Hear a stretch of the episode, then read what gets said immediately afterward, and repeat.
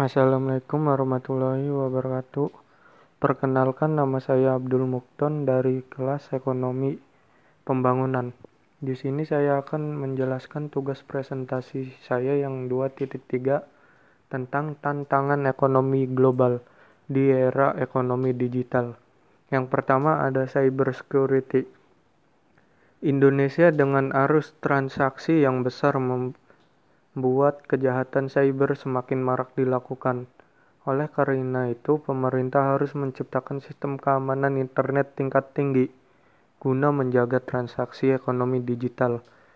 Mungkin dari cyber security ini salah satunya yaitu ada smart DAF dan kejahatan cyber security bisa kita lihat yaitu lewat hacker ataupun peretasan-peretasan lainnya di dunia digital.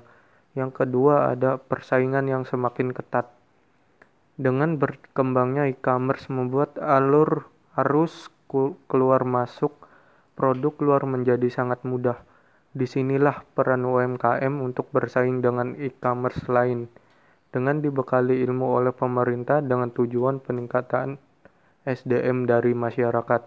Karena UMKM merupakan penyumbang terbesar pendapatan dari negara, pendapatan untuk negara. Jadi UMKM diharapkan bisa bersaing secara digital nanti.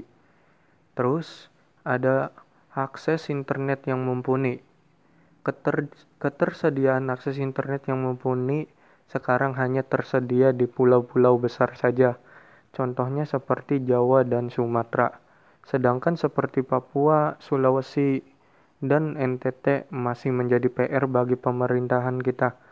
Mungkin untuk ke depannya karena akses jalan yang semakin bukan akses jalan yang sulit bukan menjadi alasan bagi pemerintah karena harus merata gitu penyebaran internetnya.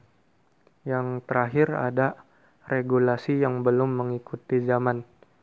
Pemerintah yang harus siap membuat peraturan perundang-undangan mengenai peraturan jalannya perekonomian digital. Jika jika pemerintah tidak sigap menghadapi perekonomian digital, maka perundang-undangan akan ber, berjalan secara bertatih-tatih. Di sini saya akan membahas tentang salah satu tantangan menghadapi pekerjaan yang akan hilang di masa depan. Contoh dari pekerjaan yang akan hilang adalah guru ataupun dosen. Di zaman di mana teknologi berkembang pesat, teknologi mengambil peran besar dalam mempengaruhi semua semua aspek kehidupan. Dengan kemajuan teknologi membuat semakin efisien dalam melakukan sesuatu. Tidak menutup kemungkinan banyak pekerjaan yang akan hilang eksistensinya di masa yang akan datang. Contohnya yaitu guru ataupun dosen. Dengan masa pandemi sekarang banyak sekali muncul seperti aplikasi ruang guru, Zenius, dan lain-lain yang di dalamnya berisi tentang materi dari guru yang dikemas dalam bentuk video. Dan untuk mengajar juga bisa lewat seperti aplikasi Zoom, Gmeet, dan Microsoft Teams. Jika pandemi ini masih terus berkelanjutan dan sampai pada masa yang akan datang, guru dan dosen bisa digantikan oleh artificial intelligence atau machine learning karena manusia dianggap sebagai tenaga pengajar yang tidak stabil dan kurang efisien.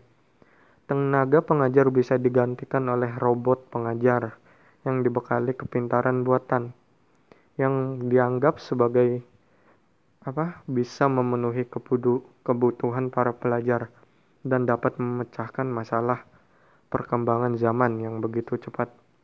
Kurang lebihnya mohon maaf. Wassalamualaikum warahmatullahi wabarakatuh.